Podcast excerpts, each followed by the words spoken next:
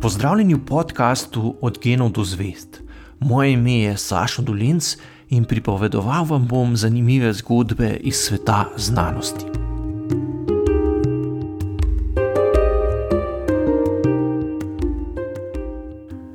Malo kdo ve, da je najvplivnejši slovenski zdravnik v resnici zdravnica. Še manj ljudi dejansko pozna ime slovenske kirurginje, ki se ga zadnja desetletja trudijo izgovarjati profesori medicine na mnogih univerzah po svetu. Zora Janžekovič, ki je v visoki starosti umrla leta 2015, je velika zvezda svetovne medicinske znanosti. Čeprav je do svojih izjemnih spoznanj prišla med delom v eni od slovenskih bolnišnic, je pri nas še vedno ne pozna skoraj da nihče. S trdim delom, pogumom in ustrajnostjo je dokazala, da je mogoče doseči pomembna spoznanja in spremeniti ustaljeno miselnost stroke, tudi z zauzetim delom v slabo opremljenih prostorih, skoraj da brez sredstev in pomoči. Zora Janžekovič je v letih od 1968 do 1984 na opeklinskem oddelku Mariborske bolnišnice gostila več kot 200 vodilnih kirurgov z vsega sveta, ki so se prišli učiti njene izjemno uspešne nove metode zdravljenja hudih opeklin. O njeni pomembnosti za razvoj medicine priča podatek, da v učbenikih kirurgije ni navedena le z imenom, ampak tudi s fotografijo. Medicinska spletna revija Medscape, ki jo redno spremljajo zdravniki iz vsega sveta, pa jo je uvrstila na seznam 25 najvplivnejših zdravnikov 20. stoletja. Zora Janžekovič se je rodila 30. septembra 1918, nekaj tednov pred koncem Prve svetovne vojne, v slovenski Bistrici, kjer je bil njen oče učitelj. S še dvema sestrama in bratom so sprva živeli v mestu, nato so se preselili na kmetijo v bližnjo vas Rito Znoj.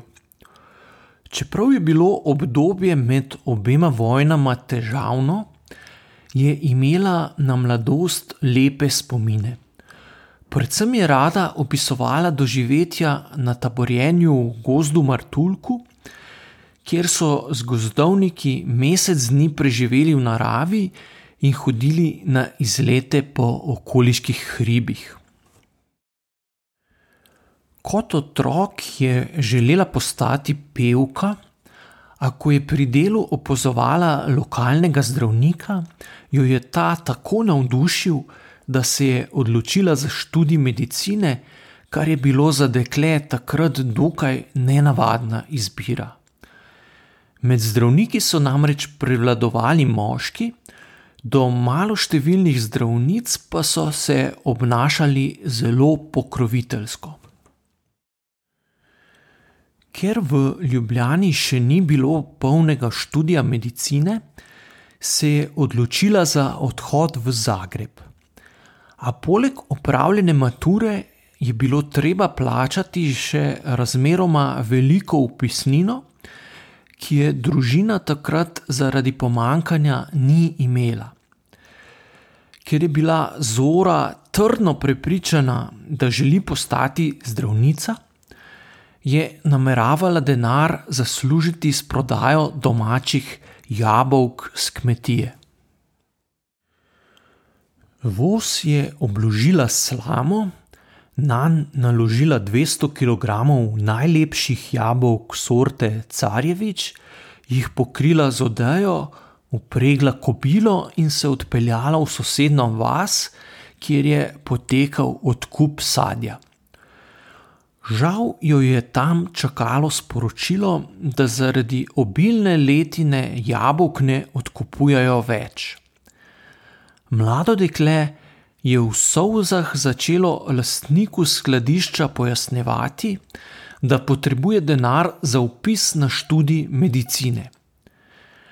Ker se ni pustila odgnati, je trgovec jabolka vseeno odkupil in ji tako omogočil študij. Zagreb jo je ob prihodu na univerzo povsem očaral, prav tako so jo navdušili profesori. Študij je šel naslednja leta dobro od rok, a ga je prekinil začetek druge svetovne vojne.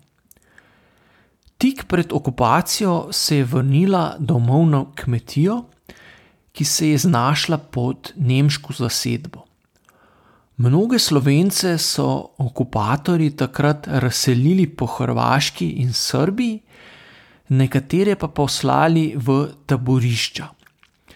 Njenega brata Borisa so Nemci aretirali, saj so sumili, da je komunist. Ker mu niso uspeli ničesar dokazati, so ga izpustili, a ga na to mobilizirali v nemško vojsko in poslali na rusko fronto, kjer je bil ranjen. Zoro je prijatelj, študent medicine, opozoril, da se je njeno ime zelo verjetno znašlo na seznamu za deportacijo. Takrat se je odločila, da zapusti kmetijo in pod pretvezo, da se mora izpisati iz študija, odide na Hrvaško. Začela je delati v Varaždinski bolnišnici, kjer je pridobila veliko izkušenj in se med drugim navdušila za kirurgijo. Že v času študija pred vojno se je zaljubila v mladega zdravnika iz Ukrajine Basila Barickija, ki je medicino študiral na Dunaju in v Zagrebu. Med vojno sta skupaj delala v Varaždinu, prav tako jo je pogosto spremljal ko se je tajno srečevala z domačimi v bližini meje. Žal so njeno veliko študentsko ljubezen nove jugoslovanske oblasti takoj po vojni brez sodnega postopka ustrelile. Prav tako se domov nikoli ni vrnil brat Boris, ki je bil prisilno mobiliziran. Zora je kasneje s pomočjo znancev, ki so ji omogočili ogled jugoslovanskih arhivov, ugotovila, da se je brat z drugimi prisilnimi mobiliziranci po osvoboditvi iz Francije vrnil v Trogir, a so tudi njega najverjetneje ustrelili v bližnjih gozdovih. Menda je bilo za njega usodno, da je dva meseca kot nemški vojak služil na področju Jugoslavije. Po čudnem spletu okoliščin se je mnogo let kasneje njegovo ime znašlo na spomeniku padlim partizanom v slovenski Bistrici. Po vojni je Zorina družina za agrarno reformo izgubila večino zemljišča svoje kmetije. Oče je zbolel za pljučnico in po komplikacijah umrl star komaj 50 let. Kljub zaporedju tragičnih dogodkov je Zora končala študij medicine in postala zdravnica sprva na mladinskih delovnih akcijah, nato pa v Mariborski bolnišnici. Kmalu po njenem prihodu sta dve pacijentki umrli pri razmeroma preprosti operaciji mandelnov. Kasnejša preiskava je pokazala, da je ena od sester pomotoma pripravila napačno anestezijo, na to pa v splošni zmedi prikrila dokaze o napaki. Dogodek je mlado zdravnico močno pretresel in pomembno zaznamoval njen kasnejši odnos do bolnikov. Od sodelavcev je zahtevala spoštovanje najvišjih standardov varnosti in odgovornosti, pri čemer ni popuščala. Kot mlada zdravnica je več let čakala na odobritev specializacije iz kirurgije. Ker so bili takratni vodilni kirurgi v Ljubljani prepričani, da to delo ni primerno za ženske, je že skoraj obupala, a je končno prišlo povabilo za specializacijo na takrat zelo obremenjeni plastični kirurgiji. Kljub požrtvovalnemu delu so jo tudi tu mentori sprva ignorirali, vendar je sčasoma pridobila njihovo zaupanje, tako da so jo ob zaključku specializacije posebej pohvalili. Ko se je vrnila v Maribor, je odprla nov oddelek za opekline, ki so jih predtem zdravili v okviru dermatologije. Z minimalno opremo, ki jo je nabrala po bolnišnici, si je v nekdani kopalnici uredila operacijsko dvorano in začela z delom. Po takratni doktrini naj bi kirurško čim manj posegali v pekline in predvsem čakali, da se rane same zacelijo. Smrtnost je bila zaradi okužb in dolgotrajnega zdravljenja velika, trpljenje bolnikov pa izjemno hudo. Zora je sčasoma prišla na idejo, da bi lahko pospešila celjenje opeklin in preprečila okužbe, če bi odmrlo tkivo kirurško odstranila in rano pokrila s kožo, odzeto drugot po telesu ali od darovalcev. Ta postopek je bil v nasprotju s takrat sprejeto doktrino zdravljenja, a se ji je, glede na situacijo na oddelku, zdelo nujno, da idejo preizkusi v praksi. Sprva jo je bilo strah odstranjevati odmrlo tkivo iz opeklin, saj ni imela občutka, koliko tkiva lahko odreže, da ne bo povzročila dodatne škode.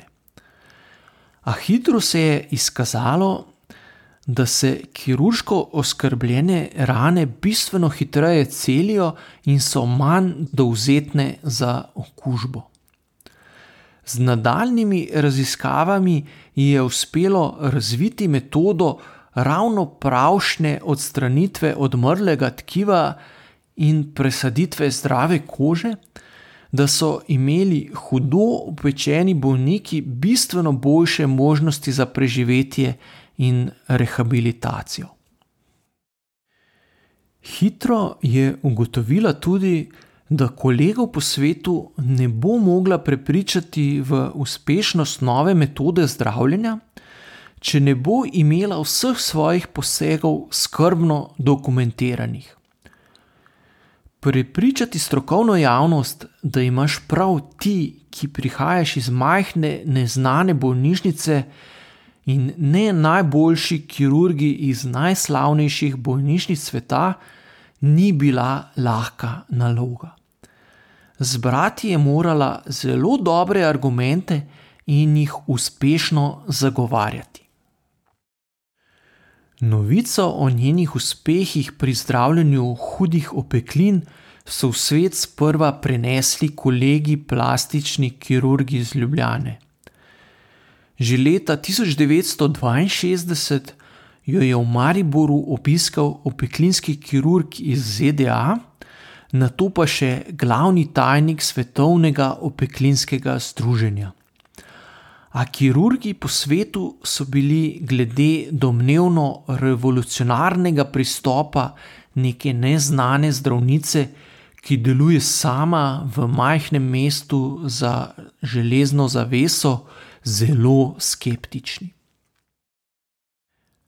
Preboj v mednarodni prostor se je zgodil maja leta 1968, ko so v Sloveniji organizirali mednarodni kongres Združenja za plastično kirurgijo.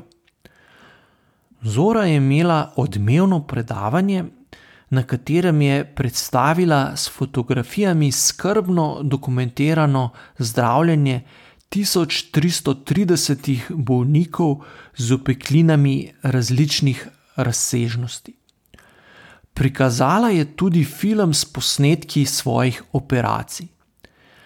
Njena teza je bila, da so okužbe praviloma posledica neprimernega zdravljenja opeklin in ne kontaminacije rane iz okolice. V naslednjih letih so v Maribor prihajali kirurgi iz vsega sveta, Zora pa je gostovala na mnogih kirurških kongresih. Njene inovativne metode zdravljenja so rešile veliko življenj, saj je uspelo dramatično zmanjšati število infekcij, čas hospitalizacije in umrljivost. Proti koncu 20. stoletja je njena metoda postala standard pri zdravljenju globokih opeklin tretje stopnje. Do svojih sodelavcev je bila zelo zahtevna, in mlajši zdravniki so ji zato začeli očitati, da je preveč stroga, ter so se izogibali delu na njenem oddelku, verjetno deloma tudi zato, ker je zdravljenje hudo opečenih bolnikov izjemno stresno. Sčasoma so dosegli, da so ji v bolnišnici začeli odzemati pooblastila. Ko se je leta 1984 vrnila z kongresa v tujini, je izvedela, da so v času njene odsotnosti v bolnišnici odprli nov oddelek za opekline. To je bila za njo kaplja čez rob, zato se je upokojila. Naslednja leta je večino časa preživela v svoji hiški, ki si jo je s pomočjo sestre arhitektke postavila na pohorju. Dočakala je zelo visoko starost, saj je umrla pri skoraj sto letih 17. marca 2015. Pred smrtjo je sicer prijela nekaj nagrad, a želenega priznanja domače strokovne in laične javnosti ni dočakala.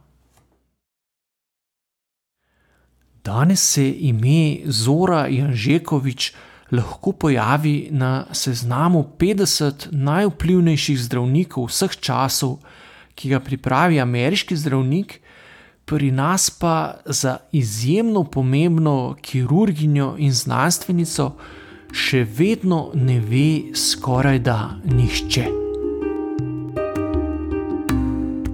To je bil podcast Od genov do zvest.